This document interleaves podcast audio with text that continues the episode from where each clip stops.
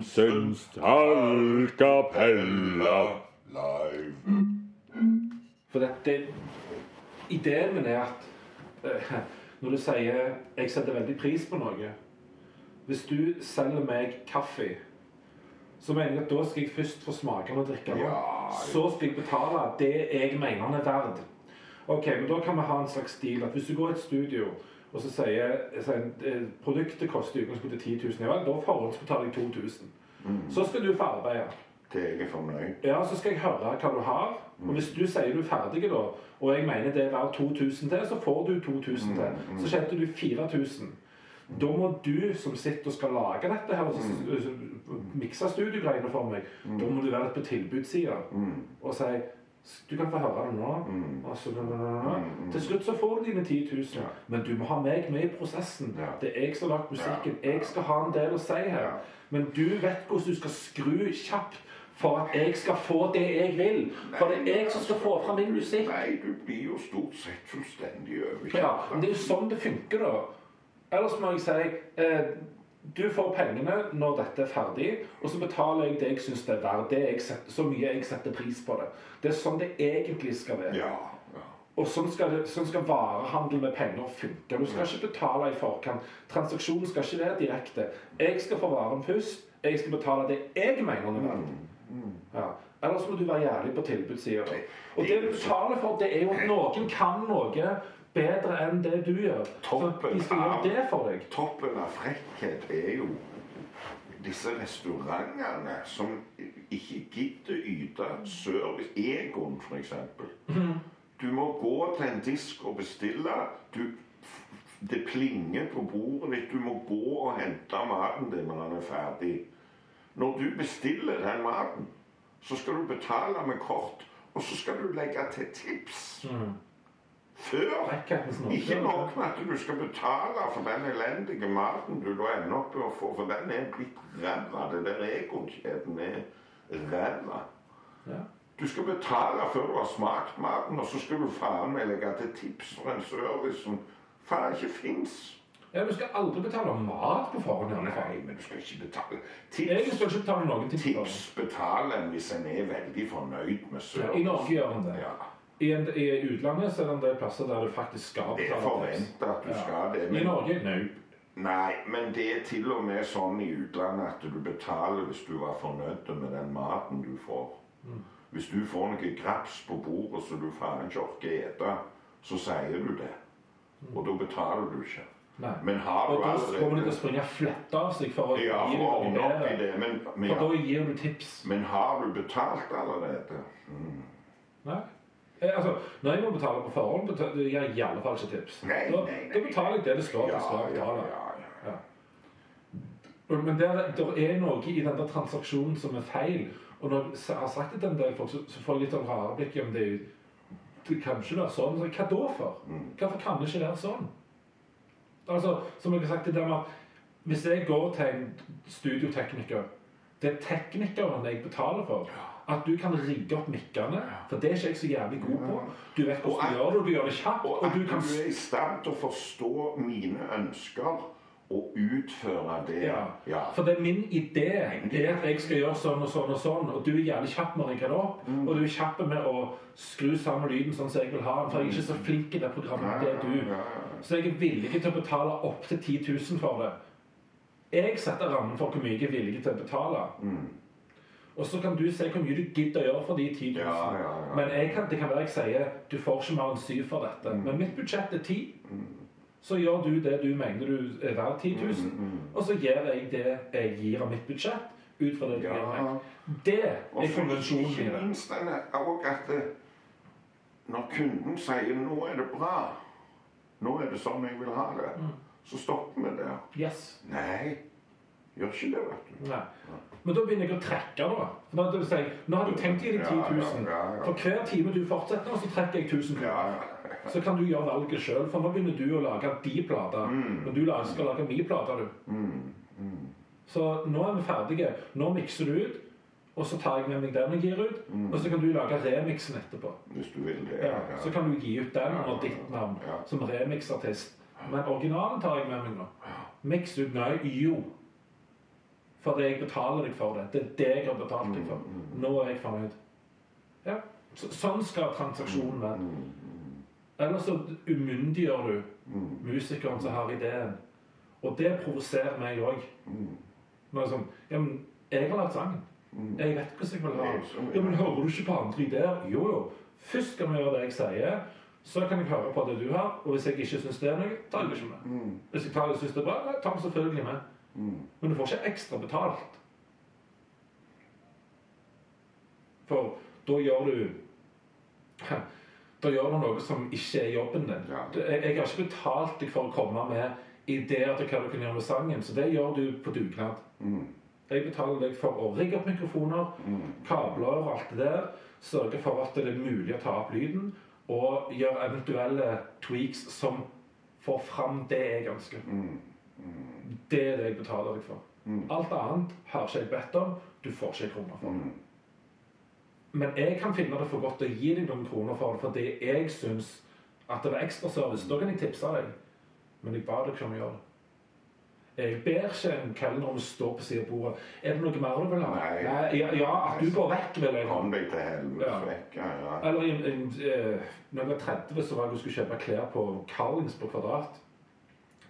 Jeg gikk fra butikken For hun som jobba der, overdrev. ja, ja. Så så prøvde jeg noen klær på meg, hun bare Wow, så sinnssykt sexy du var! Dette tror jeg ikke på. Jeg skifta og gikk bare ut. Jeg fikk ikke pengene engang. Det var ikke snakk om å gi tips. Nei, bare du får ikke kroner. Men Mm, mm, de kan ikke ha sånne folk.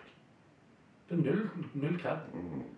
Så igjen, da, det, det er et eller annet i, i betalingssystemet som er feil. For at de som selger varen, bestemmer hvor mye han er verdt. Mm. Ja, ok. Så jeg, jeg skal lage noe kjip mat, og så skal jeg si jo, vet du hva, Aner du hvor mye tid jeg har brukt på det? Her har du brukt så mye tid på å lage drit, hadde jeg tenkt da? Så står jeg her og lager et eller annet mat og selger for 100 kroner for en knøttliten porsjon, og så smaker Har det du drit. lest om det dansende bordet til Marx?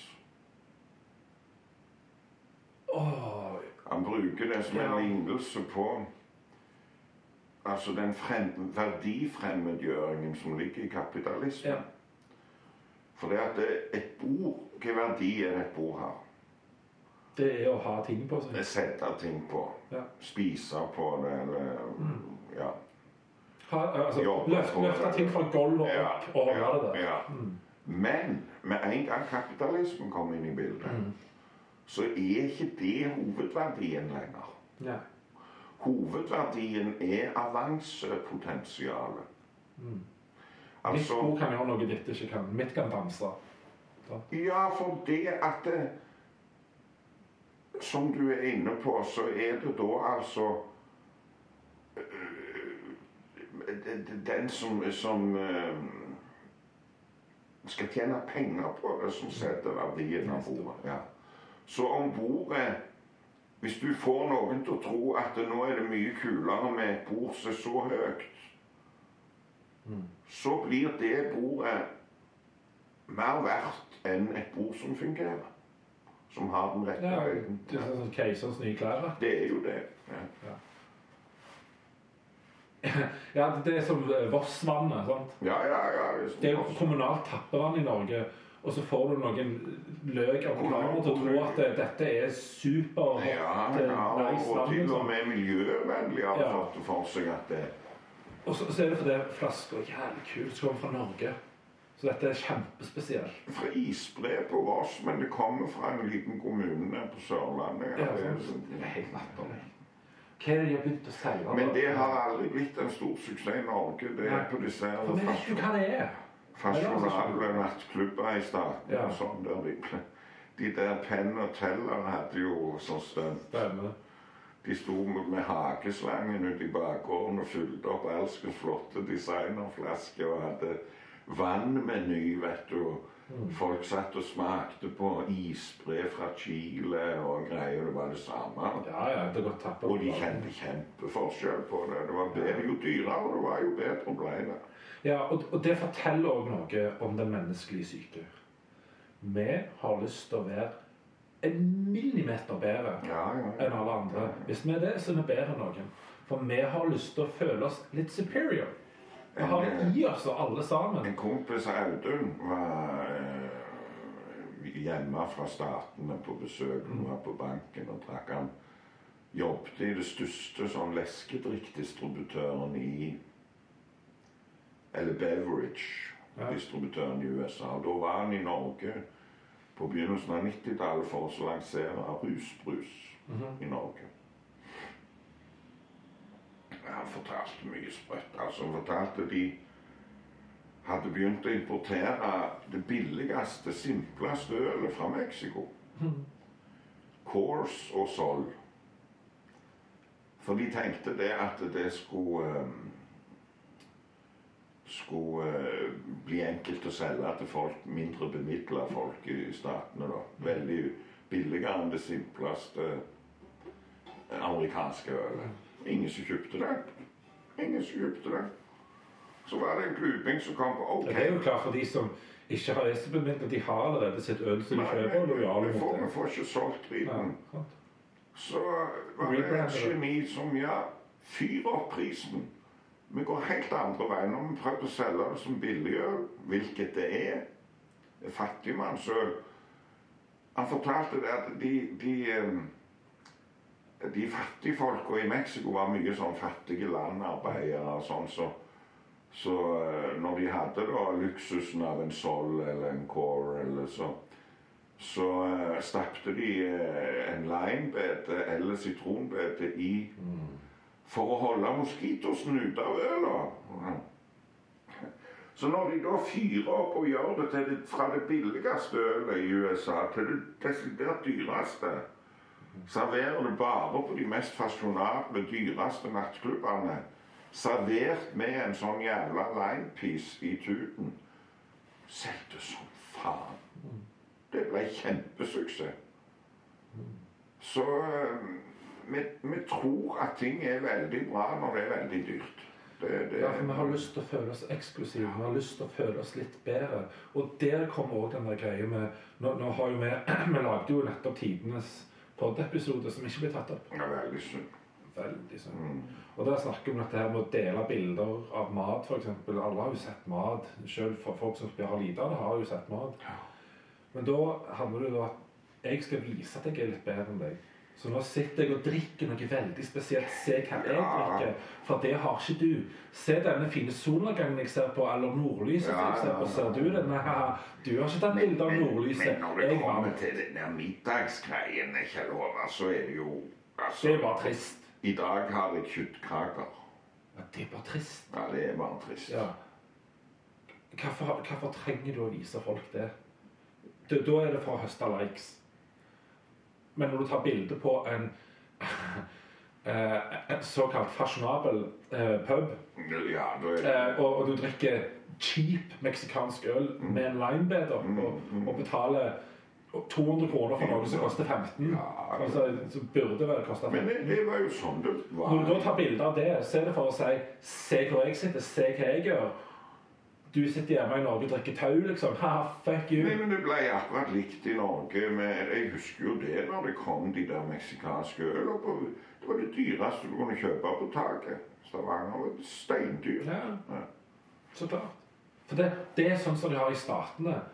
På de fasjonable. Vi er de eneste i Norge nå som har det. Kom her og få det. Og så er det lang kø utfor. Nei, vi kan ikke slippe unna folk nå. Å, men alle vil inn. For vi vil føle oss litt viktigere enn de andre. Og de som er inne Faen, så kule i trynet de er. For De står inntil vinduet og bare sånn Å, jeg drikker den der spesielle ølen. Ja, men du har blitt lurt. Ja. Nei, nei, ikke faen. Det godtar de ikke. Og så skal vi ha oktoberfest i Norge. Og da skal vi gjøre det på sånn ekte tysk vis. Nei, vi gjør jo ikke det. Vi skal ha kebab i Norge. Vi skal gjøre det på ekte persisk vis. Nei. Ingen som lager kebab sånn i de landene kebaben kommer fra. Og snakker med en kollega tidligere i dag om kyllingkebab. Det er jo en selvmotsigelse. Eh, ja Altså kyllinglam, sier du da. Mm, Det, nei, da må du si kylling i pitabrød. mm. Og så har du lyst til kebab. Det går, det går ikke an å si kyllingkebab. Men fordi dette, dette er så morsom sammensetning. Fordi innpakningen er pita i, i brød med alt det der skvip oppi, og så lammekjøtt. Så bare bytte ut lammekjøtt og legge kylling oppi, sånn kyllingkebab. For det er alt det andre som er kebaben. Ja, det blir sånn som med foreldrene mine som Alt annet med kullsyre heter Farris. Ja, riktig. Sender du Farrisen til meg? sånn? Sier du det? Ja, da sier jeg til dem eh, Nei, det er ikke Farris på bordet. Og slutt med å kverulere sånn. Jeg kverulerer ikke. Farris er Farris. Det andre er vann med kullsyre i. Jeg husker mor pleide å spørre oss om vi ville ha cola eller brus. Men det var sprøtt i sånn barneselskap. Men det var de som generaliserer all, all svart brus er cola. Eh, Ja, Pepsi-cola. altså, men- Men egentlig så er det jo det. Men det er jo det, ja. Pepsi og, og det vi kaller cola, er cola. Det, det som står på bordet her, er jo en Coca-Cola. Pepsi lager òg cola. Ja, ja. Smaken er cola. Easy Cola, Jolly Cola. Sant? Så alt er cola. Ja. Men Coca sin cola kaller vi for cola. Mm. Og så har den liksom fått eneretten på hver av de andre kopiene. Mm. Ja, ja, det, er driter jeg i. Men der kan vi generalisere alle svarte brus på en måte. Da alle med cola smaker til cola. ja, jeg kommer ikke på Den er grei. Men å skille cola og brus, den er Ja, jo ja. finstlig. Men i barneselskapene jeg var liten, jeg vet ikke om det, det er nok umulig sånn ennå, men i fødselsdagsselskaper og sånn, så hadde de jo dekt på bordet med ei brusflaske på hver plass. Mm. Assortert utvalg. Ja. Idiotisk. Det var jo alltid først når det var klar, ferdig, gå til, å vær så god, sett dere til bordet, så ble det bestandig et helvete. For alle ville sitte på colaplassene. Men det var kanskje bare tre cola, to eventyrbrus, ei Fanta og to Soloer. Men det var, alle ville jo ha cola, de visste jo det. Hvorfor gjorde de det, kjenner Ja, det er litt mer gå på de som skal, når dere skulle velge å sette dere. Og det er fordi at eh, en da er lært opp til at cola er bedre enn de andre. Alle vil ha cola. Ja, fordi en har lært opp til at cola er bedre enn de andre. For folk tenker det er cola, og så er det brus. Ja, men da kunne det stått cola på alle plassene. Ja, Eller om vi bare Vi gir faen. Vi, vi kjøper ikke cola, vi kjøper bare de andre. Og det hadde blitt eh, en snakkis. Ja, ja, Da Vi hadde fikk ikke, ikke cola. da hadde det ikke blitt eh, selskap igjen hos deg. Nei. Eller du, du hadde invitert meg, jeg hadde kommet. Sant? Og da kunne du ikke så seg sagt alle får cola. Ja, Og så er det gjerne en eller annen sånn Ja, men jeg liker ikke cola. Nei vel, da velg du hatt noen på lur da og bytta Ja, ut hvis ja, ja. Ja. Jeg syns det er bedre med eventyr. Ja, OK, du vil bare være litt annerledes. Nei, Du har altså, syns eventyr. Nei. Nei, sant. Klart det er det ikke bra. Men jeg husker disse kassene der du fikk assortert med eh, såkalt champagnebrus, som, som ikke har lov til å si lenger. Eh, Champ heter det vel nå. Eh, og så var det noe eh, sitronbrus. Brus med sitronsmak. Ja. Og så var det en eller to andre òg, med appelsingreier og et eller annet. Assortert brus fra Nordstjernen. Å ja, ja, Asina. sikkert. Asi, ja, stemmer. Asina. Eh, de var det. Det syns jeg var kjempestas. For det er liksom, eh, hvis du ikke var fornøyd med den du fikk når du satt i vil noen som bytte? Ja, bytte. Men da var det Pepsi, for de hadde Pepsi, de i Nordstjernen. Ja. Og så hadde Tau Coca-Cola før de etablerte seg sjøl, disse her. eh. Stemmer. Tau hadde Coca-Cola, og, og Nordstjernen hadde Pepsi. Stemmer. Men det Nordstjernen fins ikke lenger. Nei, nei. Men Tau fins jo ikke lenger heller. Mm. Tau fins jo ikke heller, altså. Nei, ikke som eget brand. Det tappes noe som kalles for tau. Ja, det ring, ring, eh, ring. Ja, det ringer seg. Men Berentsens bryggeri Ja. de greier seg bedre enn noen gang. altså. Ja, ja, ja. Nå har de til og med fått whisky, Ja. rock og fame i Egersund. her. Mm. De lager jo både whisky og gin og gamle avfallsbastionen, altså. Det, det Ja, han står for fall.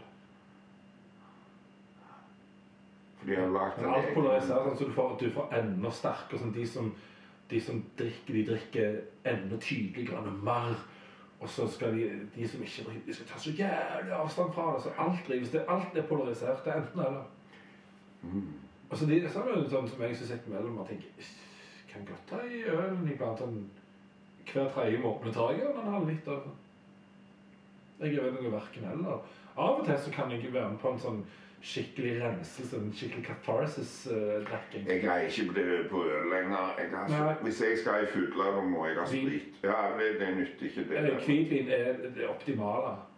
Nei, jeg må ha sprit hvis jeg skal bli Du vel. Jeg greier ikke å drikke meg full på vin og øl lenger. Jeg, jeg orker ikke. Jeg blir liksom uh... Rødvin er jo ikke noe som du skal ha så mye av. Hvitvin, det kan være med turbo. Det er fint. Sprit eh, det, eh, da Jeg får- liker nok bedre rødvin enn hvitvin, altså. Men, eh, men den er så. Ja, For meg er det sånn, kommer det helt an på hva du skal bruke det til. Jeg kan kose meg med rødvin. Ja. Jeg For så et hvitvin òg. Jeg kan sette meg ned og kose meg, ta det ro med en rødvin. Det er ikke kjøre nedpå med rødvin. Men gi meg ei flaske med vongraven hvitvin og Mm. Det er jo saft. Håper ikke vi har lytter under 18 her. Mm. Håper ikke vi har noen som hører på som under 18. Det har vi vel. Det, ja, jeg vet da. Trodde det. Hvis vi har det, så, så må dere huske at dere er under 18. Og det, eh, dere har ikke lov til å hverken kjøpe eller drikke før dere er 18. Ja, jeg får ikke lov å kjøpe. Nei, det er faktisk ikke lov å drikke heller, i henhold til norsk lov. Faktisk. Det er nok nokså sovende lov. Det er sovende. Eh, men det er nå sånn det er. Mm. Eh, for hvis du som 17-åring da sitter og drikker vin så på, på en uteplass, på en uteservering, så får de problemer med det. Ja, de får, ja. De som Ja. serverer deg. Fordi det ikke er lov. Ja, men det er fordi de har ikke lov å servere folk under Ja, men De har ikke servert den engang. De kan ha servert storebroren på 23. Ja, det må jo de følge med på. Det er de pliktige å følge med på. Ja, men det, det er fordi det er ikke lov for den under 18 å drikke. Og jeg kødder ikke, det er det som er i henhold til lov. Men det er klart det, det er vanskelig å håndheve. Apropos ting som er vanskelig å håndheve. Um, men da må dere dere får under 18, straffe- dere har ikke lov, og så har dere ikke lov å kjøpe sprit for dere er 20. Mens Peter og meg, vi har lov. Ja. Og, og vi har lov å snakke om det. Vi er ikke dårlige forbilder. Vi har lov å snakke om det, vi har lov til å drikke det. Um, og sånn er det. Vi er gode forbilder for det. Mm. Det finnes dårlige forbilder som ikke drikker alkohol. ja. Flere. Donald Trump, for eksempel. Ja, han er avholdsmann. Ja, Hvem skulle tro? hvem skulle tro? Jeg er ikke overbevist. Hitler var vel avholds. Ja, ja, han var det. Han er jo kroneksempelet på Ikke, ikke røker avholds, og så ble han jo vegetarianer. Ja. Og så det var- ble verre og verre. Er ikke noe Så han er jo kroneksempelet på at eh, du kan være aldri så puritaner, men, men likevel helt ko-ko. Ja, fullstendig. Han var jo ikke noe Altså, han trykte Han levde jo helst på kaker. Så han var jo ikke noe sunnhets... eh, ja, kaker var kostholdet, hovedkostholdet, og så og så fikk han jo injisert vitaminer av han der doktor Morell. Ja. Så blodet hans ble tjukt av det, faktisk. Altså det, han ble jo bare sjukere og sjukere. Han der livlegen var Ja, det var han doktor Morell. mm, Jeg husker den boka. Men, eh, men eh, Er det boka den der om Hitlers Ja. rus? Ja. ja, det er jo der det står om alt det der. Hitler hadde jo ikke noe humor, men han slo faktisk en vits. For han var så sjuk mot slutten. Det står om det i den boka. Da prøvde han i en ren desperasjon, han doktor Morell, å årelate Mm. Hitler. Det var jo helt umulig. For det var blitt så jævlig tjukt, det der blodet hans av alle de der vitamininnsprøytningene. Så da hadde Hitler slått en eller annen vits om at det, det måtte være bra egnet til blodpudding eller noe sånt, det der tjukke blodet hans. Så det var liksom eneste gangen noen hadde hørt Hitler prøvde å være morsomme, da, rett og slett. Prøvde han, eller var han bare utilsikta morsom? Liksom? Nei, da var vi flirte visst da, liksom. Det var jo i bunkersen de siste tidene. Men det, det redda faktisk livet til Hitler en gang, det der kakegomlinga. Ja. For det sukker nøytraliserer cyanid. Så det var et drapsforsøk med blåsyre på Hitler som Det beit ikke på han i det hele tatt. For han var, Eneste Han var så på, stinn. han var så stinn i sukker at det beit ikke på i det hele tatt. Nei, så Derfor når jeg serverer deg smågodt, så må du jo spise. For tenk hvis noen prøver å forgifte deg. Ja, ja, ja, ja. Så sitter du bare sånn «Ei, Prell av meg, prell av. Nei, han trykte i trynet på kaker, og i 39 så gikk han til en tannlege. Og sa at nå skal jeg erobre verden, så nå må du fikse Fikse disse her tennene en gang for alle. For jeg har ikke tid å springe til tannlegen. Så, så Han han har slutta med kaker. ja, han, han lagde jo noen jævlig primitive broer og greier han må ha hatt. De mener jo det at han må ha hatt kroniske smerter døgnet rundt av det der tannopplegget som han lagde til han der tannlegen der. Hva var det Hitler ruset seg på? Hmm? Greit, Hitler ruset seg på alkohol, men han ruset seg på noe. Ja, det var jo først og, først og fremst metamfetamin, Ja, i likhet med hele Tyskland. Ja. det kjenner ikke så mye smerte, sikkert. Nei, nei, det, det hjalp nok. Men eh, det, det, jeg tror Hitler ruste seg på Det var jo ikke for å oppnå ruseffekt, men jeg, jeg tror alt, omtrent alt utenom alkohol og nikotin og koffein altså med, Det, det slo meg nettopp at det, Tenk på disse politiske toppmøtene. Sånn som den dokumentaren om Putin som du så. Der snakket de om møter som holdt på til to, tre, fire om netten. ja, ja, tenkte de, de er jo nødt til å bruke noe, disse her. Det tror jeg nok. Det er mye cola. Jeg forstår ikke hvorfor det er mye cola. Det er nok det. Ja. For de må jo ha noe for å holde seg gående så lenge til langt på natt. Ja, ja, ja. For kaffe funker bare til en viss grad. Ja, du, du, du- kommer jo til en grense der Ja. du blir, det blir, du Du sovner uansett, liksom. ukonsentrert og Ja, skjelven. Cola holder deg oppe, liksom. Ja, ja, ja. Det- For noe må det være. Når du hører sånn eh, De hadde det der klimatoppmøtet i Kairo. Og de hadde sittet og forhandla sånn på til, til andre døgn i strekk. Mm, Det er klart, mm. De tar seg gjerne pauser og, og sover litt, men de, de sitter jo lenge og holder på. Ja. Hvordan, hvordan klarer de? De bare mennesker, de òg. Mm. Det må være noe involvert her. Ja, Ja, Nødt til å være det. det er nok det. Det er nok det. Og i, i Hitler-systemet så var det jo Det står jo i den boka at det, det var ikke alle som kjørte pervitin, men de kjørte noe annet. Ja, ja. Så alle i systemet hadde noe drugs-greier de holdt på med. Ja, det var jo konfekt med metamfetamin. Det var jo særlig damene som brukte det. Åh, man. Jeg tror Ja, jeg vet ikke om det var den boka jeg ga til faderen. Det var iallfall en av disse her bøkene som jeg har fått lånt eller fikk av deg. Så bare tenkte jeg gir gi til faderen, for han hadde godt av å lese. Jeg tror det var den. Og han, han ble sånn er Ja, men den, den er jo de mest sjokkerende. Der var det så mye som jeg ikke ja, som jeg syns er veldig rart ikke er Ja. blitt For uh, Han klarer så jækla mye. Og masse. Bare det med blitskrig. Ja, ja, Det, det, det, det, det var faktisk metamfetaminen som gjorde det Ja. mulig. Altså. Ja, ja, ja. Og bare det å forstå hvor gjennomsyra hele Tyskland var av det. Men de ble jo sprut fuckings galne. Ja. Den der eh, den der divisjonen, panserdivisjonen til han Rommel der, han, Mm. som Hitler nekta jo å tro det var sant da han fortalte hvor han var.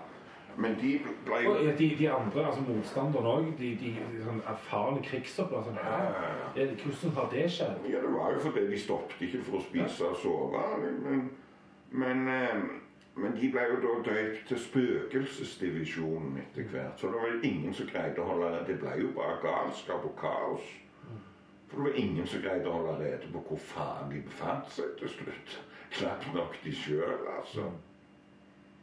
Bare raste rundt i Jeg syns spesielt kombinasjonen av den boka sammen med 'En kvinne i Berlin' Ja, ja. ja, Det er wow for Ja. en sterk kombinasjon. Ja, ja.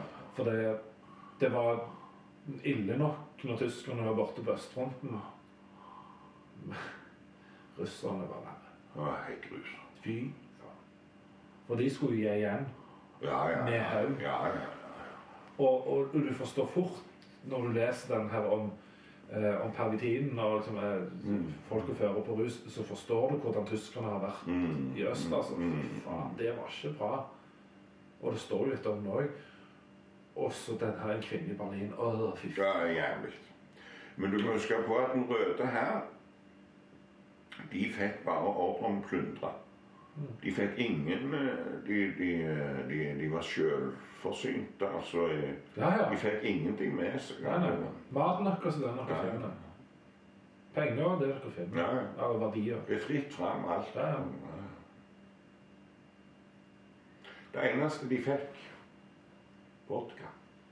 Selvfølgelig. De fikk vodkarasjoner fordi at det øker motet og demper frykten og hemningene.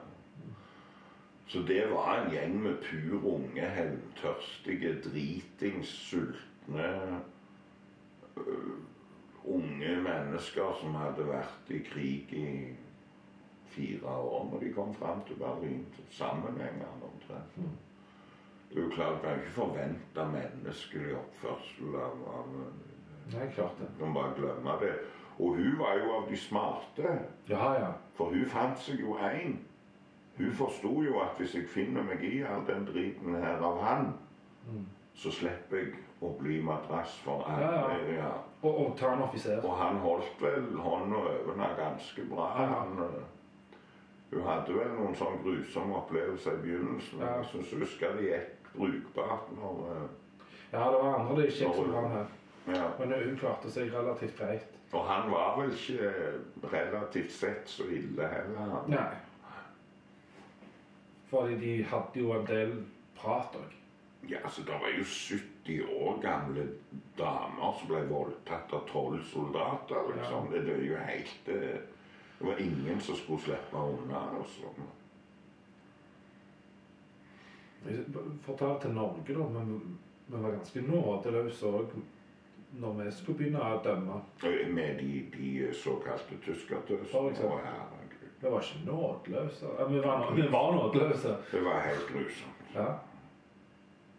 Bare at på en eller annen måte befatter vi vi skulle faen ta deg. Så det er en hevngjerrighet kommer faller faller oss lett, kan man si. Helt forferdelig. Og så er det ting som vi har naturlig i oss, og som, er, som vi vet at det er, og som vi skammer oss etter, og så er det hevngjerrighet, og så er det det der jævla behovet for å være bedre enn andre. Mm. Om så bare et milligram, en millimeter bedre enn noen andre som, som til og med betyr noe for deg. Mm. Og da tenker jeg, hva, hva vennskap er det? Jeg har ikke behov for å vise meg som bedre enn deg på noe. For jeg vil ha det fint heller. Jeg, altså, det vi har sammen, jeg vil at det skal være fint. Jeg har ikke noe behov for å prøve å heve meg over. Nei. For, for hvorfor skal jeg det? Vi er jo ikke en konkurranse, vi har et vennskap. Ja. Og, hva er det så, hva er i veien med folk? Klarer ikke å styre disse her litt sånn naturlige driftene så til, til å ville være bedre, for så vidt. Men De har jo en del med overlevelseinstinkt Det- ja, ja. selvfølgelig. Men i et land der vi vet at jeg kommer til å overleve, jeg trenger ikke kjempe,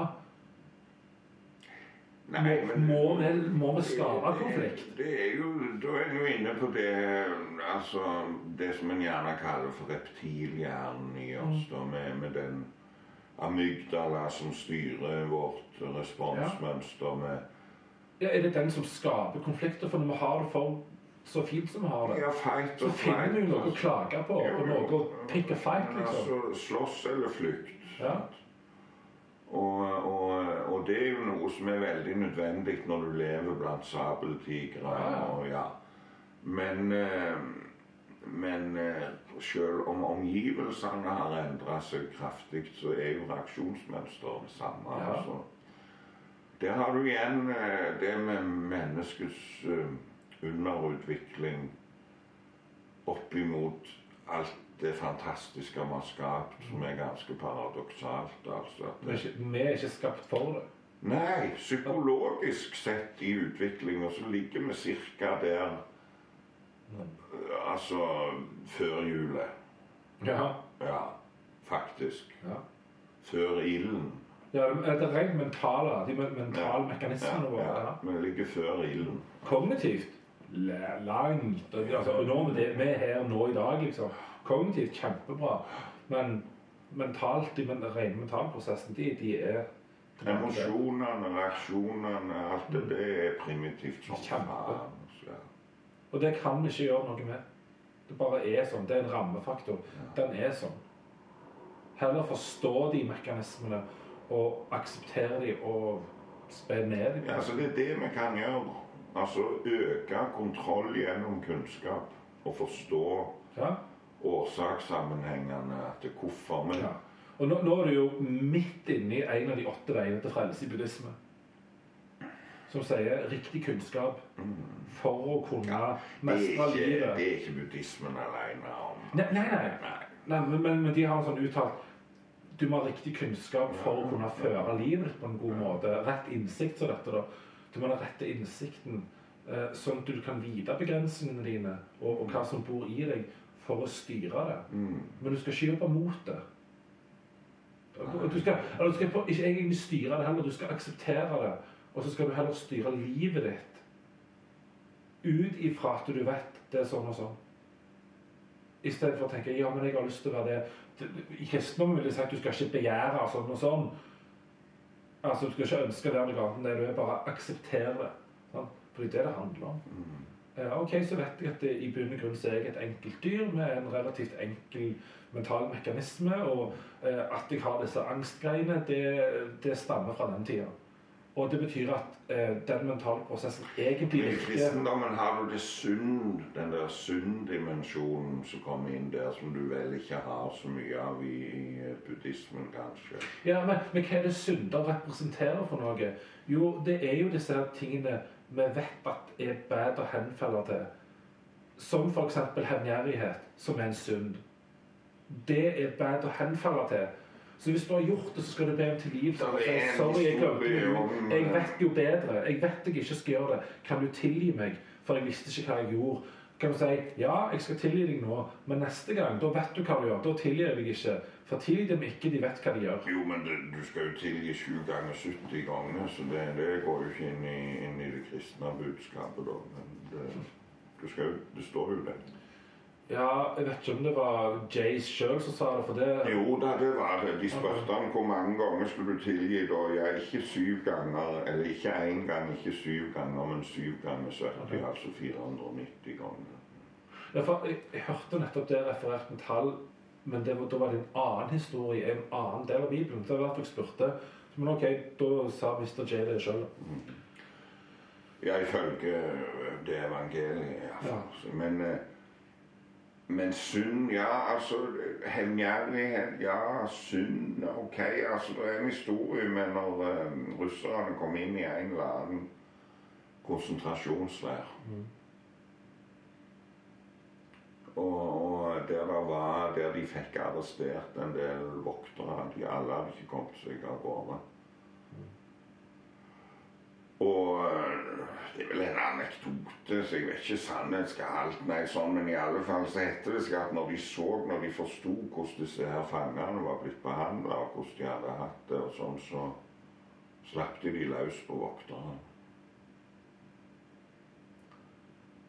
Som jo da øh, ble revet i fillebeta i, i Og jeg tror at det gjorde resten av livet til de fangene bedre. Ja. Så jeg tror nok jeg, jeg, Det som jeg sliter mest med, det syndbegrepet, det er det der medfødte, født som syndig vesen. Altså, ja, ja. Det, for, for meg handler det bare om å være symbolsk. jeg Men vi har alle det i oss. Ja, men så tror jeg om det skal liksom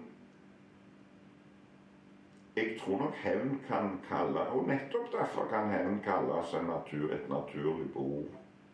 Vi har et behov for gjengjeldelse. Mm. Jeg diskuterte det eh, for et par uker siden. sa jeg for, han mener at eh, hevn har med rettferdighet å gjøre. Nei, det er jeg ikke nødvendigvis enig i. Eh, Det kan være en Ingen følelse av automatikk i det. Nei, det er ikke det. svært ofte er jo hevn urettferdig. svært Svært urettferdig. urettferdig. Men, men ikke hevnen i seg sjøl. Men jeg, jeg, sier, jeg sier ikke rett eller galt om, om, liksom, om hevn er rett eller galt. Jeg sier bare det er ikke, Jeg vil ikke kalle sette likhetstegn mellom hevn og rettferdighet. Men for din del kan du føle at rettferdighet har skjedd fyllest fordi du har fått gjort en gjengjeldelse. Men, men la oss heller snakke om det, da. Uh, som et litt mer nøytralt ord enn hevn, for hevn har så mye negativt med seg. Så snakker om gjengjeldelse Ja, jeg forstår at du har fått evened out noe når du har fått gjort den gjengjeldelsen. For du slo meg, jeg slo deg. Nå er vi ferdige med det. Mm, Da kan vi legge det bak oss. For jeg har fått ro. mm. Men det betyr ikke at det er rettferdig. Nei, det trenger ikke i seg sjøl. Det er ikke moralsk verken riktig eller galt eller moralsk sett rettferdig å hevne seg eller gjengjeldelse.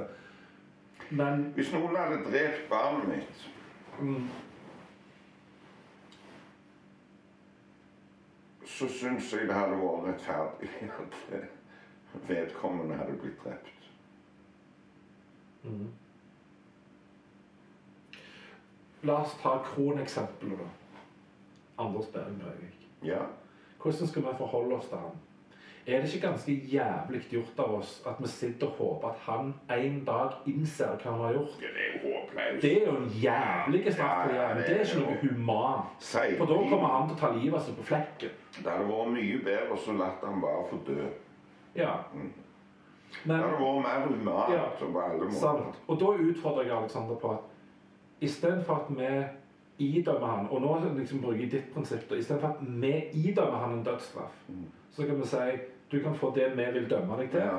eller du kan få lov til å velge en Ja, dødsstraff. om, ja, du har én vei ut av Ja. dette. Det, Og så kan vi si jo, jo, men da velger han dødsstraffen, for da blir han martyr. det verste av alt er det at jeg tror faen ikke han hadde valgt Nei, dødsstraffen. han hadde jo ikke det. Men han, da kunne han fått valgt det. Han tror Han, da kan han dømme seg til. Ja, ja, ja. Han tror Han lever i troen og håper at han en dag skal slippe ut og så fortsette der han slapp. Ja, ja. Og derfor kan vi aldri slippe han ut. Ja. Jeg satt og så på det derfra når han hadde den saken oppe om å slippe ut. Og da ble jeg helt Han han, aldri- han må aldri slippe ut. Altså, ikke, for no, ikke for sin egen del, ikke for andres del. Eller, det, det, Men det var da jeg sa til ham at kanskje den mest rettferdige og beste straffen for, for alle parter her Vi tar ikke livet av ham. For det er ikke Hvis vi skal si det er galt å ta liv, så skal det- er det moralske. sant? Så skal ikke vi være de som tar liv. Da er vi dobbeltmoralske i så fall. Så da tar vi ikke hans liv. Han skal få lov til å leve, men han får innskrenke sin frihet. Og vi må ha han der inne for å beskytte han mot oss, mm, og for å beskytte han mot seg sjøl. mm. Men vi skal beskytte oss på en veldig god måte. For vi skal minimere oppmerksomheten til han. Ja, Og da straffer vi ja, ja, ja, ja. Du er så betydningsløs du, at vi skal skrive null og nada om deg. mm, Men vi skal faen ha kontroll på deg. mm. For det du kommer til å være der til du dør. Men vi skal faen ikke høre på sånne ting. Når du kommer ut og skal ha prøvehøring på folk for prøveløslatelse, hvorfor skal man ha noen kamera der? Helt vanvittig. Det er vanvittig. ja, ja. Da holder man jo i live. Det er jo det han ønsker. Ja, ja. Ta det vekk. Ja, ja, ja. Og da måtte han tenke seg litt Og dette tror jeg han har krav på å få gjort Ja, og det er helt greit. om og om Ja, og det syns jeg er rettferdig, og det syns jeg er humant. Han skal få lov til å gjøre det. For det, den retten skal alle ha. Skal han få lov å bidra i det voldsomme sirkuset? Ja, men han skal få lov til å ha den høringen for for prøveløslatelse. Det er en rett som alle innsatte skal ha. Det er helt greit, for loven skal være likt for alle. Jørgen Det er på trappene å ta det vekk, altså. Det han skal ta vekk, det er presseoppslagene på det. Men det er på, på trappene å ta vekk det Ok. der at de har rett på For jeg lurer på en gang i året, eller noe sånt. altså. Når det kommer til et stykke tid ute i forvaringen, så Ja, det, det bør jo være en prosess som kan si Men så har du eh, det problemet, da. du kan søke om å få lov til å søke, på en måte. Men hvis si, nei, ikke, vi skal, hvis ikke vi skal gi det oppmerksomhet, Mm. Så må en jo huske på at det med at pressen skal ha tilgang, og det skal ha oppmerksomhet, og vi skal bli orientert om hva som foregår, er jo òg noe som er der for å beskytte de som er tiltalt. Okay. Det er jo det for at det skal være at offentligheten skal ha en mulighet til å gå inn og reagere hvis det skjer noe. Det blir mye lettere eh, Ja, ok. justismord og sånn hvis, hvis ikke ser greia. Ja. Da er utfordringen hvordan pressen Det er bare der Gjør ligger hvordan de det. videreformidler det. Ja, så, så det er greit de skal få ballen, men hva gjør de når de har fått ballen? For før i tida så var alle anonyme til de var dømt. Men Ja, det er jo slutt på for lenge siden. Altså nå Nei, nei, nei, nei. I den saken på Karmøy. Pressen nevnte ikke navnet hans før han var dømt i lagmannsretten. Å jo, jo, jo. Lenge lenge, lenge, før Jo, lenge før rettssaken. Lenge før det var- ble rettssak en gang, så var navnet hans i full og Det plukket ikke jeg opp. Jo, men det Men i det sekundet han var dømt, Nei, nei, nei, nei. Det var, men det var spredd overalt. det skjønner noe. ja, da er det på folkemunne. Jeg har Nei, ikke sett det i media. Jo, det har vært i media. Både navn og bilder har vært i media. Lenge før den rettssaken. Ok. Det har ikke jeg sett. Nei, nei, men eh, det betyr ikke at det ikke Nei, nei, selvfølgelig. N er lik 1 i den undersøkelsen. Men uh, jeg bare har ikke plukket Jo, opp. Men jeg, jeg la så tydelig merke til det når dommen var bang smakk. For i, i de ukene før der så, så fulgte jeg ned på saken. Så ingen navn, så ingen bilder. Bang, der. Jo da, men det, det var det lenge før. eh, Lenge før. Bilder og navn. Fetteren omtales jo ennå så bare som fetteren. Ja, han gjør det. Til og med hun forbanna nakken av en eh, justisminister som iallfall Hun gjør noen ting riktig, da. Ehm, men eh, til og med hun omtaler som Jan snakker med fetteren, og fetteren sa at fetteren ble fetteren. Ja, ja, ja. Men det er så bra som hun sa, hun gjør noe riktig. Den forrige regjeringen de bare blankt avfeid når de sa vi vil, vi vil ha erstatning for, for det som blir gjort mot han fetteren.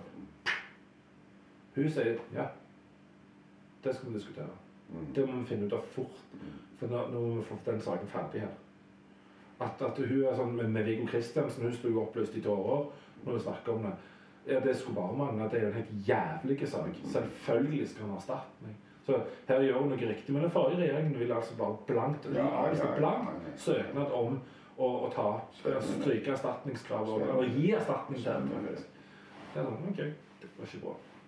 Men det, det som er mest sjokkerende med Viggo Kristians-saken i, i denne runden, er at eh, De går der fri, formannen i så- gjenopptakelseskommisjonen ikke er blitt hevet på trynet ut. Ja. Altså, husk, skulle skulle Altså det der jævla beskyttelsen i, i Sør politidistrikt der.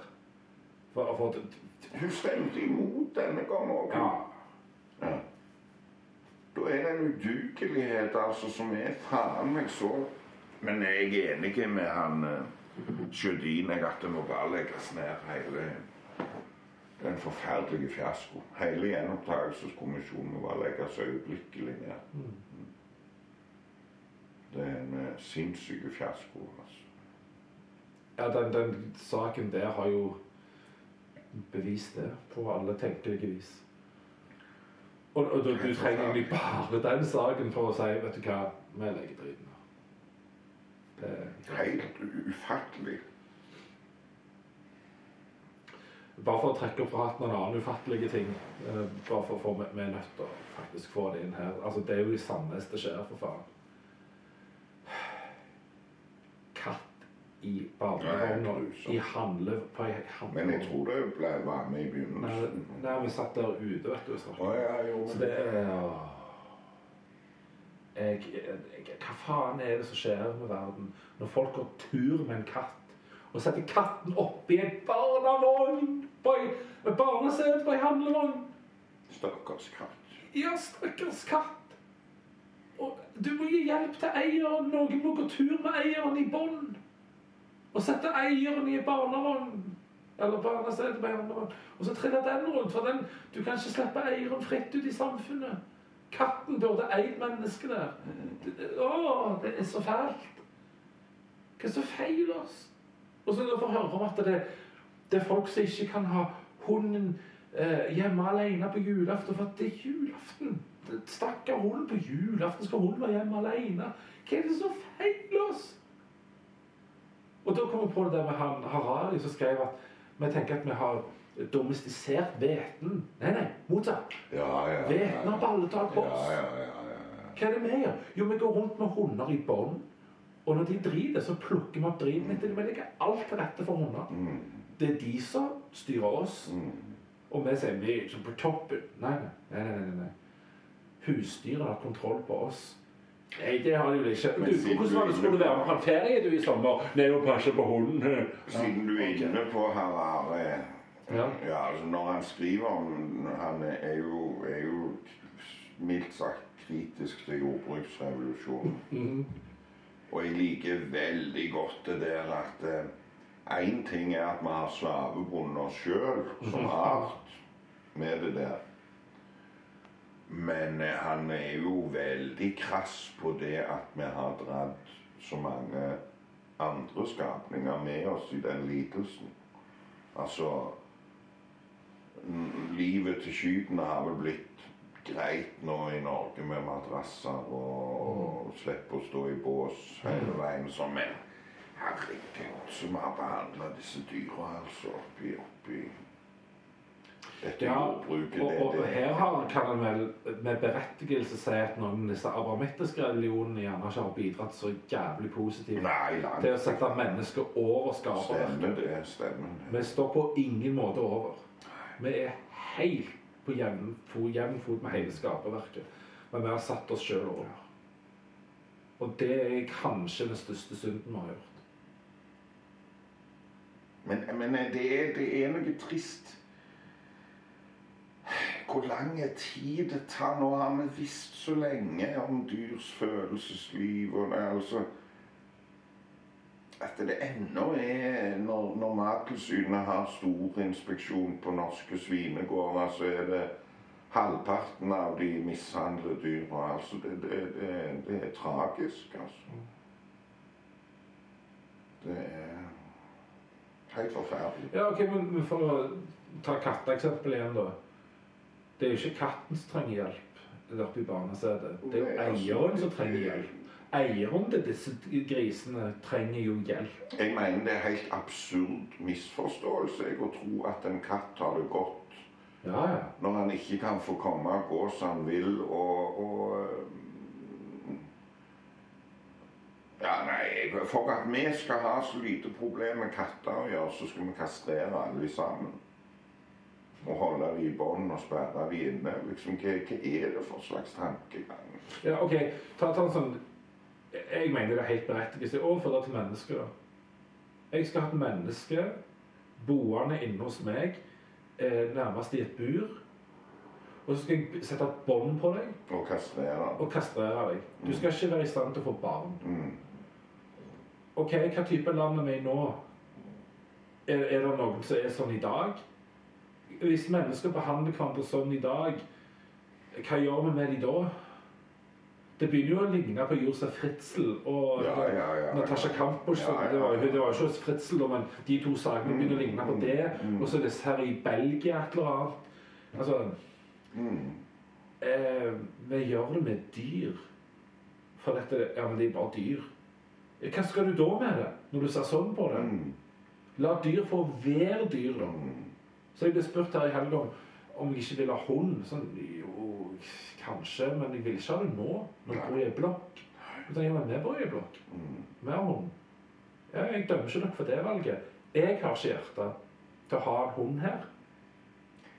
Ja, det hadde nok, det, du kunne nok hatt en hund som hadde hatt et ypperlig liv her om du bor i blokk. Det tror jeg ikke har noe å si.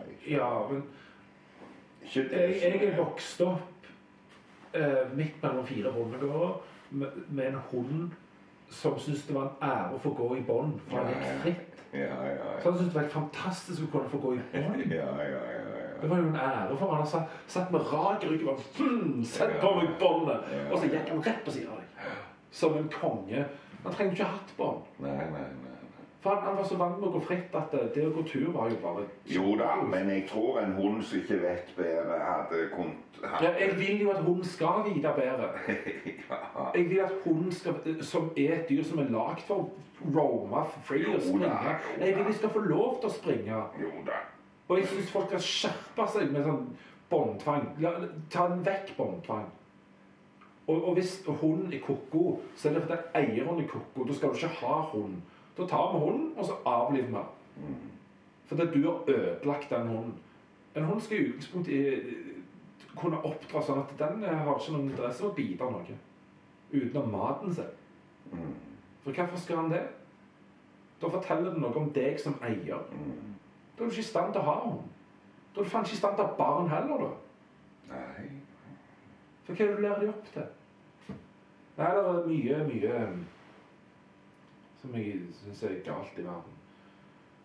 Nei, Grunnen til at jeg ikke har hund, er fordi at jeg, jeg orker ikke um, jeg, Kunne godt tenkt meg å ha en hund. Ja. Men så begynner jeg å tenke på Det er mye frihet du mister. Ja, da, da må du gå mye mer på hvis hunden skal ha det godt. Ja. Og jeg kjenner nok av folk som har hunder som jeg syns synd på. Ja. De blir forsømte og glemt og, og altså Ja, for det er eieren tenker på seg sjøl. Ja, helt forferdelig. Så de slipper de bare rett ut i hagen, går og pisser Så vidt, ja. så vidt, Ja, så ja. vidt. Og ja, så det jeg vet er at den avgjørelsen i det øyeblikket du har tatt en hund til deg, så, så er det et helt annet liv. Det, da, da, Ja. det, må det gå mer på hundens premisser. Ja. Altså, Og det er jo akkurat det folk sier med barn òg. Ja. Derfor er det en helt grei sammenligning å si det å ta, ta til seg en hund og det Det å få barn, men- det er mye det samme. ja, men det står ikke så mye bedre til med folks holdning til unger, altså. Nei. Jeg syns det er Fordi tragisk. de får ikke være barn på barns premisser. Nei. Du skal bli en ny versjon av meg. Og Jeg de er, de er veldig lite verdt for folk. Barn er veldig lite verdt både økonomisk og rettssikkerhetsmessig. Vet du det at hvis du dreper en mindreårig i Norge, så får du mildere eh, dom enn hvis du dreper en voksen? Ja. Hvis du voldtar en voksen, får du mye, mye strengere dom enn hvis du Altså Det du kanskje får tre-fire år for med overgrep mot barn, det, det får du kanskje ti år for med én voldtektsepisode med en voksen. Det er ikke tull. Ja. Vold mot barn straffes lavere enn enn uh, vold mot voksne. En tidligere dag så spurte jeg noen kolleger, for da var det blitt snakk om dette med dyr. Burde det ikke vært motsatt? Burde det ikke vært like straffer? Jeg syns det Jo, men i, altså, I verste fall. Det kan du si. Et liv et liv. Men jeg, jeg syns og jeg tror de Jeg er helt med på tanken. De aller fleste menneskers rettsfølelse heller mot at det burde vært strengere. og Forsvarsløse barn, liksom. Ja, ja. Det er verre å gjøre noe galt mot noen forsvarsløse Mm. enn en noen som bør kunne forsvare seg sjøl. I, I dag da på arbeid når jeg snakker med et par eh, kolleger, så var jeg på dette her med jeg, men Hvorfor får folk dyr? For da- kom det, Jeg stilte spørsmål til de for det. Da sa jeg noe om at det, vi har gjerne for mange kjæledyr.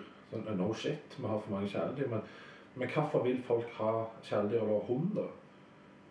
Og, så sa jeg er, er det ikke mye for kosen? For det, det er så koselig og fint. Det var, jeg, egentlig så tok jeg basically ordet ut av munnen deres. Ja, så dere sier at folk har hunder fordi det, det er koselig å ha? Ja, ja. ja. Men barn, da? spør jeg. Er ikke det mye det samme? Noen som bare men det er koselig med. Da skal du faen ikke ha unger.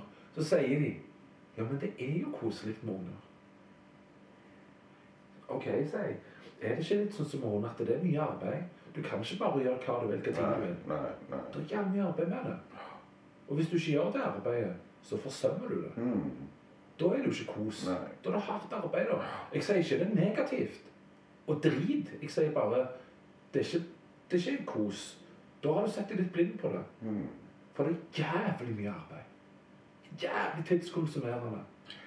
Men Det er noen som står opp med jævlig syklus og bare ammer ungene osv. Jo, men det hører med i menneskets liv. Ja, selvfølgelig. Det er en tabbe, Kjell Håvard.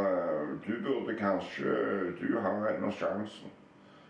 For det kan jeg si deg at, at en bør få barn. Jeg har ikke lyst på. Mm? Jeg har ikke lyst på. Nei, men du, du kommer til å merke det når du blir eldre. Um, en bør få barn. Det hører med i et menneskes liv. Det er rart å gå mot slutten uten at det er noe igjen. Det hører med i det, det. Jo, altså, jeg angrer fælt på jeg, jeg burde ha Men det er rart, for jeg er glad for at jeg ikke har fått barn. Men jeg er lei for det òg. Jeg er glad for det fordi jeg vet at eh, jeg hadde ikke funka som foreldre. Men jeg er lei for det fordi at eh, det er jo funksjonshemming, det. Altså Det å kunne være foreldre, det er en naturlig del av det å et menneskes livsløp. altså. Som ikke jeg var klar over før nå. Men jeg, jeg, jeg, jeg skulle ha fått med noen unger. Ja, men, men heldigvis gjorde jeg ikke det. for det at Og der har vi jo det at hvis en later som at en får barn for barnas skyld, så er det et forbanna hykleri. For en Ja. får barn for sin egen del skyld. For sin egen Ja, tilfredsstillelses skyld får en barn. For å fylle opp det behovet i livet. Iallfall i, i stor grad i vestlige samfunn. Ja, det er sånn det er, for det hører med. Det er bucketlist. Men så har vi jo egentlig ikke tid til å ha barn. Vi har jo egentlig ikke overskudd til tid til det, så ungene går for lut og kaldt vann. Ja. Jeg dro òg parallell til en eh, Derfor er jeg både glad for og lei for. Mm. Og det, det er jo en Jeg er lei for det, det er en sannhet for deg. Ja, for det, Så- som jeg, en jeg, jeg, jeg er ikke enig i slutningen at du kan tre det over meg og si du kommer nok til å innse Nei, jeg gjør nok gjerne ikke det. For, for jeg har et annet syn på det. Men for, nei, det tror jeg ikke du har, egentlig. Men Ja, men jeg har ikke sagt mitt syn. Og jeg, jeg klokelig holder det litt tilbake igjen. Fordi jeg, jeg vet at ting kan endre seg. Men mitt syn nå er, er som det er. Og jeg benekter ikke at det gjerne kommer til å endre seg. nei, det synet endrer seg ikke. Og det er jo derfor jeg kan si at jeg er glad for og lei for. For det, jeg er lei for det ut fra en rent emosjonell reaksjon. Men jeg har fortsatt det samme synet på det, at jeg syns for min del var det en fornuftig ting å ikke få barn. Det, det emosjonelle knytter seg opp til en eller annen, da, i, for min del, idé om at eh, mening Ja, men min mening er ikke knytta opp til Helt rasjonelt sett, og for min del òg emosjonelt sett, at for meg er det ikke en, nødvendigvis mening i at jeg må få barn. Men at jeg har påvirka såpass mange barn som jeg har. Ja, det, men Jeg har vært med på en eller annen måte i et par tusen barns liv. Jeg har vært med som en eller annen positiv påvirkningskraft, jeg, i min Jesus sitt liv. Og så får de forvalte det som de vil. Men jeg må ikke ha noe eget for at jeg skal kjenne meg meningsfull. Men nå blander, du, nå blander du egentlig sammen det rasjonelle og det emosjonelle. Det er for meg overlapper de. Ja, men da syns jeg eh, På dette punktet overlapper de. Fordi rasjonelt sett så vil ikke jeg sette et barn til verden bare for at jeg skal føle meg bra. Og hvis jeg ikke gjør det, så kjenner jeg meg bra. Altså Det er emosjonelt riktig å la være for meg å sette et barn til verden for at jeg skal føle meg bra. Da blir det feil for meg å sette det til verden fordi det hadde vært kjekt å ha. Og jeg vet ikke om jeg hadde vært en god far. Men, men det, er jo det, det er jo det rasjonelle i det. Men grunnen til at et skiller mellom det rasjonelle og det emosjonelle, er jo nettopp det at det emosjonelle er, er irrasjonelt. Det er ikke så Derfor så går det an å være glad for, ut fra en standpunkt og en syn og ens rasjonelle meninger, så er jeg glad for at jeg aldri har fått barn. Men så ligger det noen rent emosjonelle ting som Jeg kan jo ikke påstå at du vil føle det samme, men, eh, men ja, altså Nå kommer vi jo ikke til å snakkes når du er 60, da, men hvis vi hadde kunnet gjort det Men det kan jo hende når du sitter 61 år, så kan det hende du kommer på ja, det var det Peter snakket om. at det- Herregud, det kan være det skjer om to år. Jeg tror det har litt med ensomhet å gjøre i tanken på at nå er hele min familie utdødd. Det er ingen. Ingen søsken, ingen, ingen tanter, onkler. Det er ingenting. Det er noen halvsøsken som jeg aldri har møtt. Aldri hatt noe med å gjøre. Eh, og det er noen søskenbarn borte på Østlandet og oppe i Nord-Norge. De i Nord-Norge har jeg aldri møtt heller. Og de borte på Østlandet har jeg ikke hatt kontakt med siden ungdomstid. Så det er noe nok som forsterker det at det, hadde jeg nå iallfall lagt ved på og så fått med noen unger som jeg kunne hatt kontakt med nå. Mm. Så hadde jeg jo ikke hatt den totale ensomheten. Mm. Så det ligger nok noe der. Ja.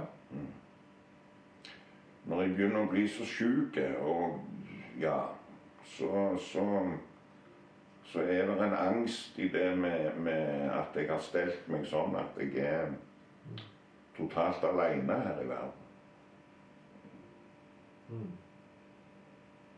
Hadde jeg hatt noen unger Men det kan jo være at jeg hadde oppført meg så jævlig mot de ungene at de ville ikke hatt noe med meg å gjøre når jeg var voksen og gammel. Og det er jo heller ikke Nei, så sånn, og så Nå er det jo veldig kontrafaktisk. Både det du sa nå, er jo kontrafaktisk fordi at du har ikke barn. Og så skal jeg trumfe kontra det faktiske med noe kontrafaktisk. Det kan jo være at den dagen du hadde blitt far, så hadde du det hadde det skjedd noe. Så du hadde endra deg og ikke blitt sånn. Naturligvis. Eh, og så, så er det jo eh, som Jeg har jo møtt folk som jeg har sagt Dere burde jo hatt unger, for det er sånne som dere som bør få barn. Ja, for dere kunne vært gode meg. Ja, for dere har verdiene så jævlig Men det har jo det paradoksale i det at eh, de som jeg kunne blitt gode foreldre, de er jo kloke nok til å forstå hvor vanskelig det er, altså så de, de gjør det ikke. Mens alle de der som knapt kan åpne ei dør, de har jo ingen reservasjoner. De yngler jo Ja ja, nå er vi jo på podkast, men, eh, men altså, det er noe der. De yngler faen meg ukritisk. Det, det Ja. det som må være Du bryter ikke ytringsfrihetsloven. Årsaken til den kontinuerlige menneskelige degenerering er det at det, det er For bare mange som ikke burde få barn, ja, for for mange de som er for tjukke i hodet til å Ja, ja. forstå hvor alvorlig og stort ansvar det er. Ja.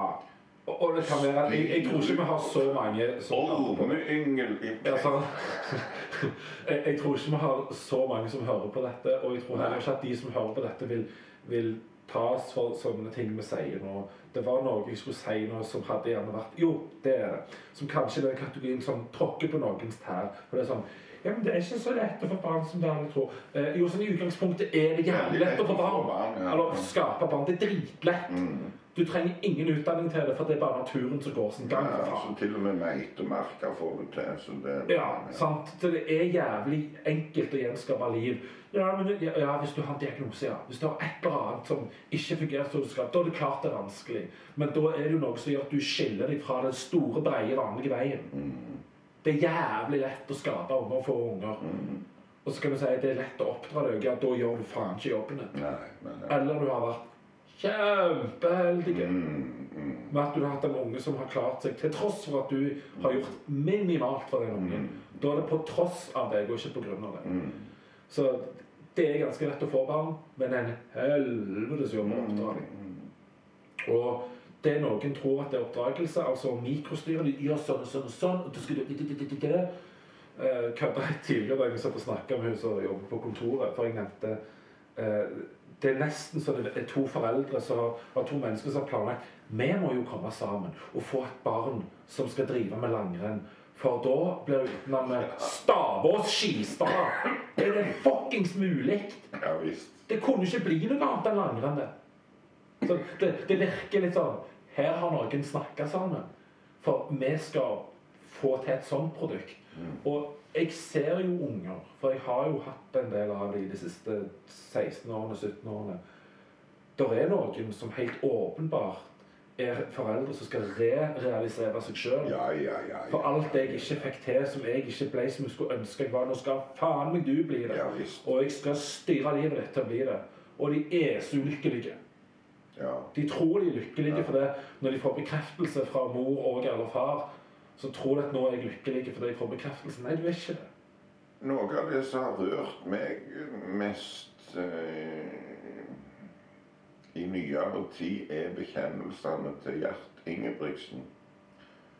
Der han går så langt som å si at nei, det var ikke verdt det. Det er for høy pris. Ja. Sønnene mine vil faen ikke ha noe med meg å gjøre lenger. De, de, eh, han, får ikke, han får ikke snakke med dem engang når de er Han er jo trener for en annen, en mye dårligere utøver. Og, ja, ja, han er jo på landslaget. Ja, han, eh, han er ikke på nivå med de. Han er Nei, men han er ikke men, men, de. men de snakker ikke med faren. Han får ikke komme og besøke dem på hotellet. Ingenting. Og, så der har det skjedd noe der. At de Ja, for de, de vil jo egentlig prøve å få han til å være litt som bare faren.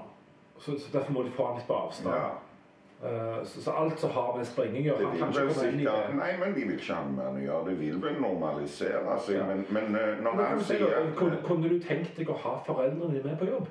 Nei. Nei, Jeg kunne ikke tenkt meg det. Og det er far som pisker deg opp klokka fem om morgenen fordi Det du skal ha ei hard treningsøkt før skolen begynner. Altså Jeg så en del på denne reality-serien om den familien, og jeg hadde masse fordommer inn i det når jeg gikk inn i det. For jeg tenkte det her det er det nettopp en sånn far som skal fullføre sine utilfredsstilte drømmer. Og så er det jo på ingen måte det. Nei, jeg fikk ikke det Han har utsletta seg sjøl for å si det er dere som vil. Jeg bare hjelper. Ja, men det stemmer jo ikke. Dette, dette er jo, dette er jo det, det er jo selvfølgelig både Sannheten er der inni en plass. Ja, for det at eh, når, du, når de begynner så ung alder Så har du jo de i den gedigne ungeflokken som ikke har villet vært med på det der. For de er jo jævla unge. Noen av det også til og med de som ikke vil være med i realitysering. Mm. til og med. Og det, så det har nok aldri vært noe tvang eller press. Mm. Men For jeg tror de er veldig gode foreldre og det er godt forhold og sånn. Og det er noe skummelt i det at barn fra naturens side ønsker å tilfredsstille sine foreldre, faktisk. Selv om mange foreldre ikke opplever det, så er det det som foregår. Bare det at det, et barn blir veldig forvirra hvis du bare får respons og oppmerksomhet på den negative atferden, og da vil den øke, naturligvis. Men, men naturlig sett så vil barn tilfredsstille foreldrene. Det er jo de som skal gi dem mat og forsyne dem mat, så det gjelder jo at de er fornøyd. Ja, altså den, den oppfattes som caregiver. Hvis dine biologiske foreldre gir deg vekk fra du er født og du kommer til fosterforeldre De som du ser mest, er de du Og det gjelder jo nære òg, for så vidt. De ser det ganske mye. Da vil du høre bra ting fra dem. Du, du vil søke å få positiv bekreftelse fra dem. Og please. Men når han da i sin selvransakelse går så langt som å si at uh, spør jeg meg sjøl om det var verdt det, så må jeg svare nei. Så er det en usigelig trist Mm. erkjennelse. Og, og da forandrer jeg litt at mye av de fordommene jeg hadde inn i den serien som jeg følte ble avkreftet av den, ja, det er en veldig bra fungerende familie, og, og de er gode folk, både hun, mor og han og sånn, men, men allikevel så har det ikke vært riktig. Nei. Nei. Og det, det blir også sånn Leif Ove Ansnes liksom først har begynt å leve livet, fått seg eh, kjæreste og alt liksom eh, Når han er snart 50. Og forstått det at det, der ensidige Mm. det, det, Innen klassisk musikk er det altfor mye av de der broilerne altså, som blir egentlig fratatt et normalt liv. Og det er jo det som er skjedd med men Det er nok det som er gått opp for herr Ingebrigtsen, at det, det er jo det han har gjort mot sine unger òg. Og hvordan det skal gå med hun dattera, som tydeligvis aldri kommer til å bli ei verdensstjerne. Hun har jo slutta med springing. Ja, det var ei lukka, men det skulle hun ha fått gjort for mange år siden. Ja. Det skulle hun ha. Og jeg tror de Jeg, jeg forstår Men hun, at sånn som de jeg så det, så hun har på en måte meldt seg på det sjøl. For han har ikke stått og sagt 'Kom an, nå må du være med'. Nei, han var mer opptatt av guttene, men hun ville jo ha oppmerksomhet fra far. Ja. Og han hva gjør far? Jo, han er ute og springer med brødrene. Men jeg forsto det som at de brødrene skjermte hun mer og mer fra ham, for det så jeg. Mm. Når Stevne var med på så han ikke fikk lov til å blande seg, for han sto jo bare og kjefta. Mm. Det var jo hans pedagogikk. Det var kjefting. Når du ikke kom først i mål, så Der er konkurransefokuset, altså. Det, det er 100 Så jeg tror de skjermte hun, og så har hun funnet ut da er det jo ikke vits. Hun har gjort det for pappas oppmerksomhet og kjærlighet, for det var bare én måte å få Det blir sånn som når hun Moon Zappa synger Valley Girl, for det var eneste muligheten til å, til å få være med far. Jeg vil, jeg vil være det- med far. det er Hvor er han? Han er bare i ved For, noen år siden så, så jeg en, en sånn psykologigreie som eh, handla om Der de iallfall tok opp med bekreftelse fra foreldre at jenter søker mye bekreftelse fra far Ja, og ja, gutter fra ja. mor.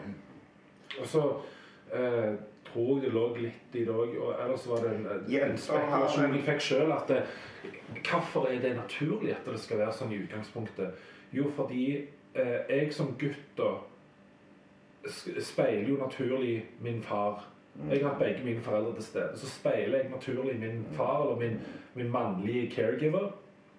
Fordi jeg skal prøve å bli en mann som han. Men så må jeg få skrelt av noen lag av det gjennom avkreftelse og bekreftelse fra mor for å bli en bedre versjon av den mannen hun har fått barn med. Så Derfor vil jeg som mann og gutt å søke bekreftelse fra mor på at de tingene som er bra hos far, som jeg tar med videre, gjør det, mer av det, flott. Ikke så mye av det. Så blir jeg en bedre versjon av han. Derfor er det logisk at jeg søker bekreftelse hos mor. Mens ei jente søker bekreftelse hos far for å bli ei god dame, da. Som skal finne seg en mannlig make. For det er stort sett den veien det går. At det, s- eh, sånn, cis-normativt og heteronormativt er, er jo normalen, på en måte. Ikke at det er det rette, men normalen. Ja, det er mannlig, liksom. Ja. Eh, og så kan en si da eh, ja, I tilfelle der du vokser opp bare med den ene av foreldrene dine eh, Hva kan gjøre at Dette her er en kjempespekulasjon. At gutter som vokser opp med bare mor, kan bli litt feminine. Det er Jeg sier det ikke noe- jeg, jeg på, sier ikke noe og, eh, Nei, Nei, men, men det som kan i noen tilfeller skje, da, det er at du har jo ikke en mannlig å speile deg mot, så du speiler deg mot mor, og, og hun bekrefter deg. Og da tar du etter en del fra mor, fra noe feminint. Den er nok ikke så veldig plausibel, men det er nok noe i den første den på kryss der, at eh, eh, du vil se til den mannlige rollefiguren i det daglige, speile deg mot den, og så få bekrefta, avkrefta, skrelt av, eller få, få hunget på de rette tingene og tatt vekk de feil, for å kunne bli en dugende mann eller dugende dame. Ja. For det, det sa jo han psykologen i det programmet, han sa det, det ser vi, at jenter søker bekreftelse fra far, daddy issues, gutter søker det fra mor, mom issues. ja. Gutter har ikke så stor grad av dad issues som jenter har. Nei, men, men eh, vi lærte at, eh, at jenter har en dobbel tilknytningsprosess, lærte ulven oss. i- Ok. Ja.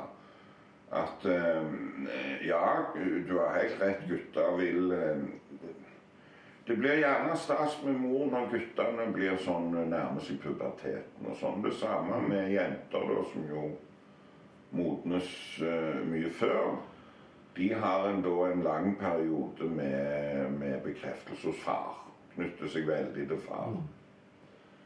Men jentene vender tilbake til mor. Guttene vender ikke tilbake til far. Nei. Så det er mor Sønnen søker anerkjennelse for forloveden, eller ja, er forloveden god nok? Når mor godkjenner kjæresten, da er det, er det bra. Men mens eh, ei jente vil ha et mye mer distansert forhold til sin far oppimot sånne spørsmål, og vil òg søke den bekreftelsen hos mor, i likhet med mennene.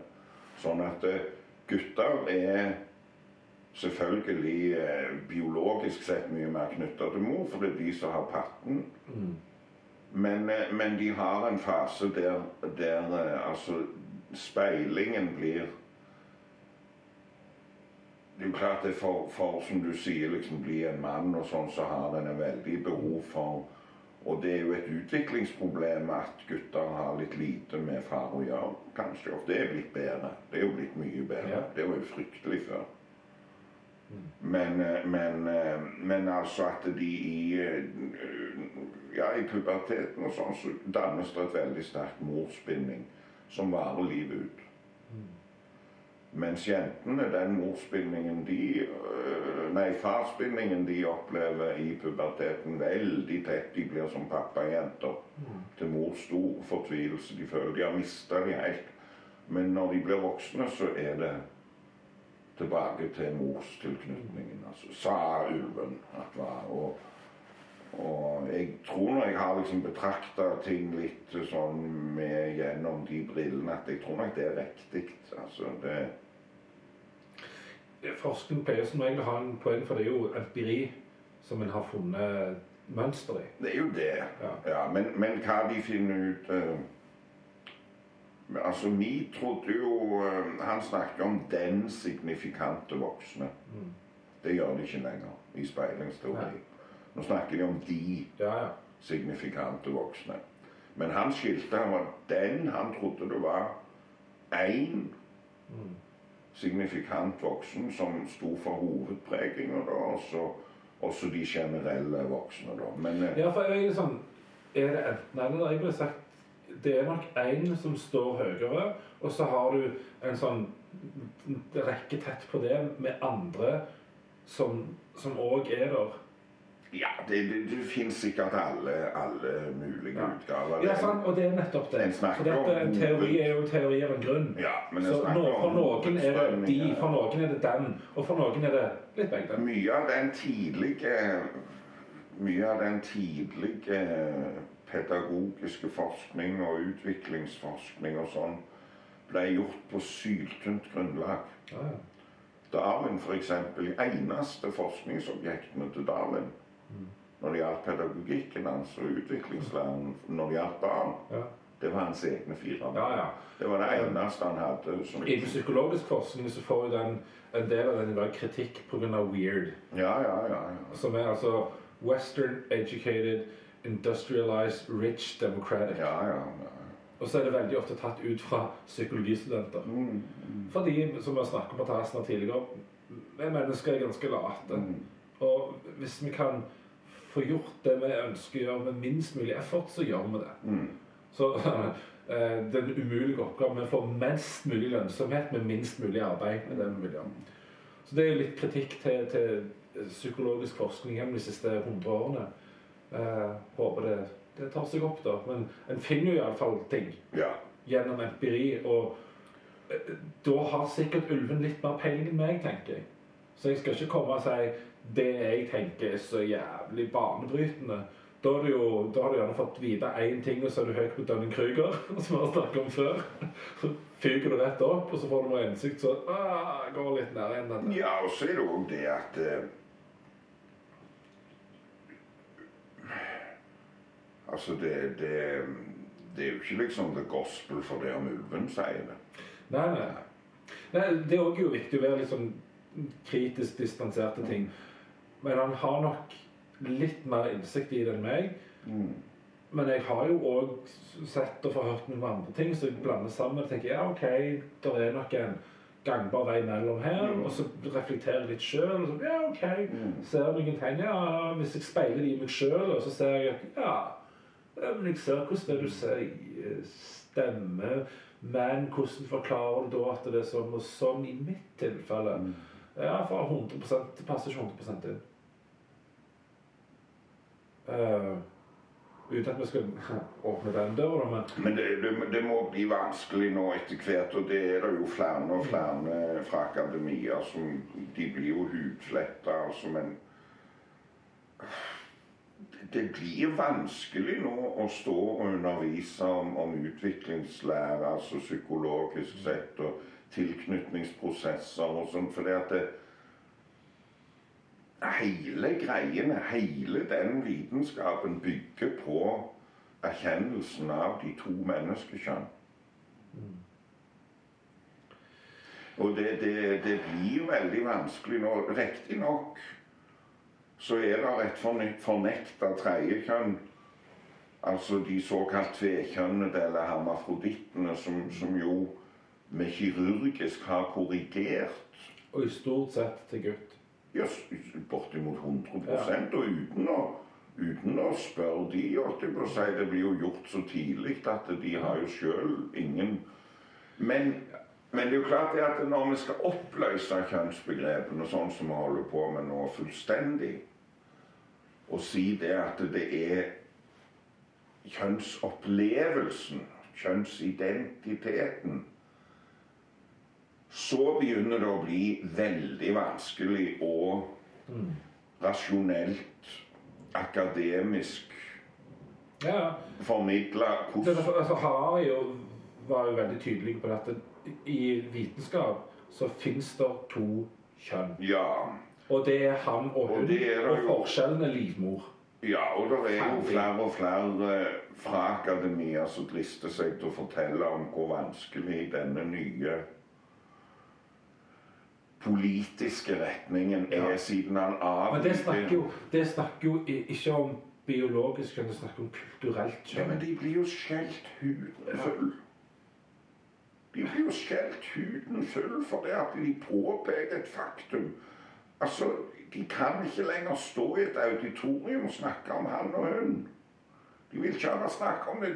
Disse her sensitive, politisk korrekte studenter Ja, får jo jo- anfall. Ja, de er jo fuckings hull i hodet. Det er jo ingen som tar fra deg at du opplever deg sjøl sånn som du gjør. Og det, at det er forskjell på han og hun og mann og kvinne. For mann og kvinne er Det vil kulturelle de ikke høre noe snakk om det. Altså, juridisk kjønn Mm. begynner jo allerede å skape store problemer i en del samfunnsfunksjoner. Hvor mange garderober skal du ha i en offentlig svømmehall? Hvis kvinner ikke finner seg i at en som åpenbart er mann, men har juridisk hunnkjønn Altså, når det kommer en vektløfter fra New Zealand, som er et progressivt land, som har hatt dette her veldig lenge, så kommer det en vektløfter der som har skifta juridisk kjønn til kvinne. Han har deltatt i masse konkurranser. Forrige sommer-OL, nå, nå, nå siste var Deltatt i masse eh, herrekonkurranser. Men nå er han kvinne, for han har skifta juridisk kjønn. Det er en fullstendig personlig avgjørelse. Det er kun ditt ord. Jeg er kvinne, jeg vil ha det passet. Så får han faen meg delta i kvinneklassen i vektløfting. Det kom jo da heldigvis på sisteplass. Nå kommer jo mitt poeng fra tidligere i kveld, som jeg ikke vet om kom med på noe opptak eller noe. Når jeg siterte Frankie Boyle på Kan vi ikke bare slippe det løs? Vi mennesker elsker freakshow. Kan vi ikke bare gi faen? I toppidrett så er koko i utgangspunktet Slipp alle grensene løs. Breddeidrett Helt greit om en deler noe der, men vet du hva? I toppidrett slipp driten løs. La de få dope seg og gjøre så faen de vil. Jeg driter i hele toppidretten. Kjør på. Så for de som vil se på sirkus, får se på sirkus. Og så kan vi andre se på dette. Ja, men da forlanger jeg i så fall en, en, en rett til selvtekt. At hvis jeg er kvinne og skal i Iskehallen, og det kommer en jævla gubbe og skal være inni og glo på damene og har skifta til juridisk kjønn Det er jo en enkel løsning på det. Så jeg tar vekk alt som fins av delte garderober. Unisex. Bang! Jeg er totalt uenig. jeg. Altså, jeg, Ja, men, okay, men da er det sånn, da må du enten overkomme den greia, eller så driter du i å bade. Eller så skal vi si der er det unisex. I den svømmehallen er det delte biologiske kjønngarderober i han og hun. Du kan gå der, eller du kan gå i unisex. jo, jo, da bygge, bygge nye, Ja. nye Så kan du si. Iskehallen, der er unisex. Austrått, han og hun. Velg sjøl hvor du går. Ferdig. Ok. Altså, Det blir ikke bedre av å ikke gå gjennom noe sånn smertefullt, men det må du på med nå er ikke smertefullt, det er bare idiotisk. Ja.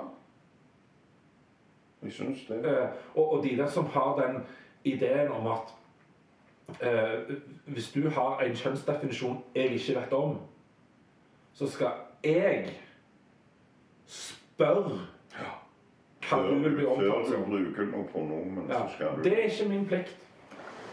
Det er din plikt å opplyse meg om. For det er deg det er et problem for. Det er du som tenker annerledes enn standarden.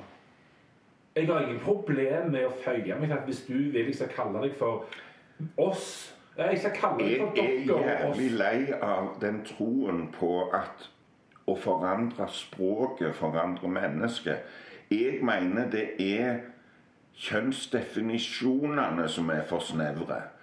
Det, hadde, det skulle ikke vært noe problem å bli kalt kvinne eller mann ut fra Det er bare det at det, Problemet er at det, rammene, definisjonsrammene, er så snevre. At det er så mange som faller ut forbi. Men det blir jo ingenting bedre av å begynne å snakke om hen. Nei. Det blir ingen forandring av det. det, det, det fraksjonerer det bare enda mer. Det er som å stikke hodet i sanden til virkeligheten kommer og puler deg i ræva, altså. Ja. Rett og slett. Jeg blir faen meg sprø. Det var noen som hadde delt eh, eh, eh, Bjørneboes formaning til en lærer. Han skal først og fremst være glad i barn. Han skal være glad i stygge barn, i pene barn, i tjukke barn, i slanke barn, i dumme barn, i kloke barn. Er han ikke glad i alle de barna, så er han ikke en god lærer. Tenker jeg ja. Helt du har helt rett. Det er helt rett. For en forstår Så er det ei som har delt dette her, da. Inkluderer ikke meg i det. så blir det et helvete i kommentarfeltet. Vi snakker ikke om pene barn og stygge barn lenger. Det er ingen barn som er dumme, det er ingen som er kloke. Det er Så tenker jeg, Da må du faen meg i helvete slutte, altså. Virkeligheten her. Hallo. Jo visst faen fins det feite unger. Det fins vel faen mer og mer feite unger. Det er jo en sykdom. De blir jo sjukere. Skal vi slutte å snakke om feite unger? Nei, vi må gjøre noe med fedme blant Ja, og det finnes ansikter som det, det mennesket òg kunne sett på Ja. og det reagert med glase på. For det ser ikke Ja. symmetrisk og vakkert Og det blir ikke det mindre dumme folk på jord fordi vi slutter å bruke det ordet. Nei. Nei. Så altså, jeg blir helt sånn Og så er poenget til Bjørneboe Men det er vel samme faen! Nettopp, nettopp, nettopp. Du skal være glad i barna. Altså. Ja, Ja. For du skal være glad i det uansett. Ja. For, for Ja. det fine mann. Som forrige skolesjefen Men disse ordene eksisterer ikke for å forme mennesket. Disse ordene eksisterer fordi menneskene har disse egenskapene. De er deskriptive. Ja. Enkelt og greit. Ja, og det er det vi glemmer ut. De har, de har fått en sånn konnotativ verdi av hva dette for noe. At vi Ja, konnotasjon, konnotasjon, ja. Vi tillegger de ting. Ja, ja. Men det å si eh, Johan Golden har sagt 'kall meg neger for jeg er neger'. Ja, men det er bare rent deskriptivt. Mm. du sier, da, da vet jeg, da, da er det sånn. Mm. Jeg legger ikke noe mer positivt eller negativt i det. Bare et ord. Stemmer. Ja. Du er 61 år, ja vel, eller blir 61 år. Ja vel. Kan du si «Åh, Men ikke, ikke sett en aldersgrense. Ja, ja, ja, ja, ja. Du tenker jo sånn om eldre folk. Nei, jeg tenker ikke det. Tydeligvis tenker du det. Jo, men, jeg tenker ikke men det. jeg forlanger en juridisk alder på 32. Det er jeg som har rett til å definere min alder. Hvorfor skal du sitte og definere min alder? Og, og vi er jo nokså like alder, for vi møtte jo hverandre på ungdomsskolen. Ja, ja, Så sånn er det. Uh, og så får jeg bare sitere den forrige skolesjefen i Sandnes, som nå er kommunaldirektør, eller kommunedirektør heter det, i, i Gjesdal, Pål Larsen, som sa at alle elevene er våre elever. Den nye versjonen med Bjørneboe vil være alle barna er våre barn. Og takk for oss. Ja. Takk for dere.